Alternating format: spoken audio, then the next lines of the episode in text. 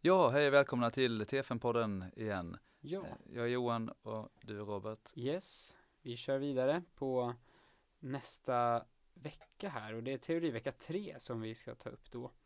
Ehm, på teorivecka 3 så har ni PBL-fall och tänk på nu att det var länge sedan ni hade fallstart för det har gått en, en hel liksom, snurra emellan här.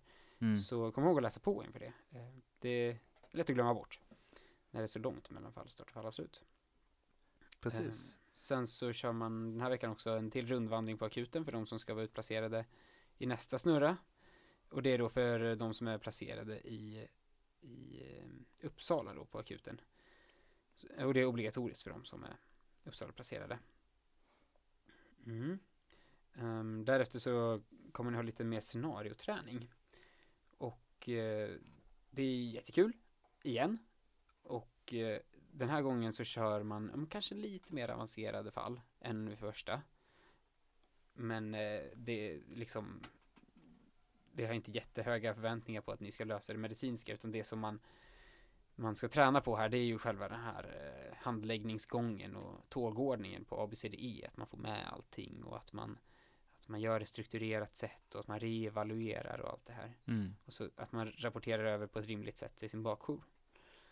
Ehm, men, eh, men det är eh, ju alltid kul om man kommer dit och eh, känner att man har koll på läget. Så Mm. ehm, det är ju alltid bra att vara lite påläst. Man kan ju repetera den här ABCD-föreläsningen till exempel innan. Exakt. Mm.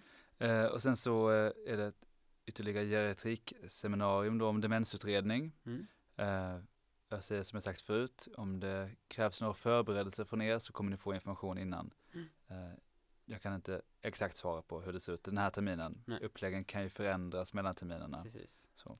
Eh, men det jag däremot har koll på är bröstsmärtaseminariet som eh, vi hjärt-kärlklasser håller. Eh, och ja, det handlar om bröstsmärta.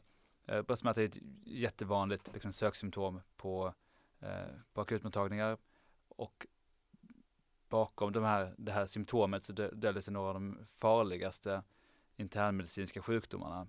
Eh, och vi kommer gå igenom ja, vilka de, de, de tre liksom, eh, farligaste, viktigaste utesluta Mm. är. Jag kommer prata om lite andra differentialdiagnoser, hur man går tillväga för att liksom på ett strukturerat sätt eh, handlägga patienter med, med bröstsmärta.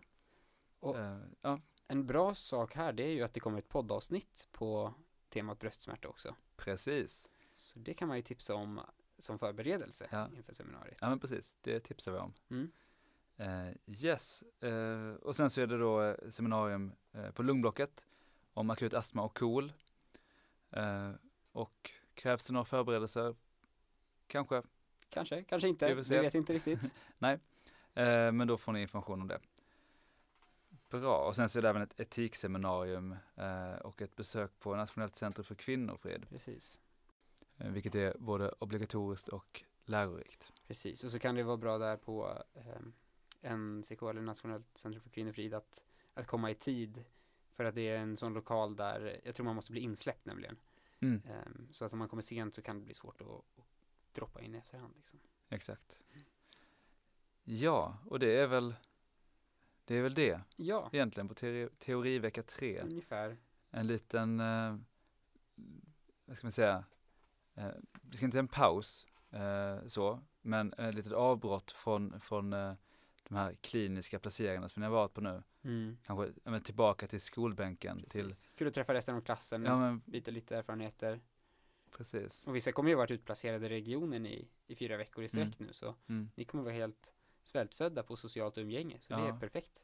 Jag kommer vara jättesugna på att gå på föreläsningar. Ja, För det känns- gud ja. Tryggt, ni vet vad ni har att förvänta er. Ja, nej men det, det, det kommer vara en, en bra vecka. Mm, absolut. Ja, då säger vi så. Tack så mycket. Hej då.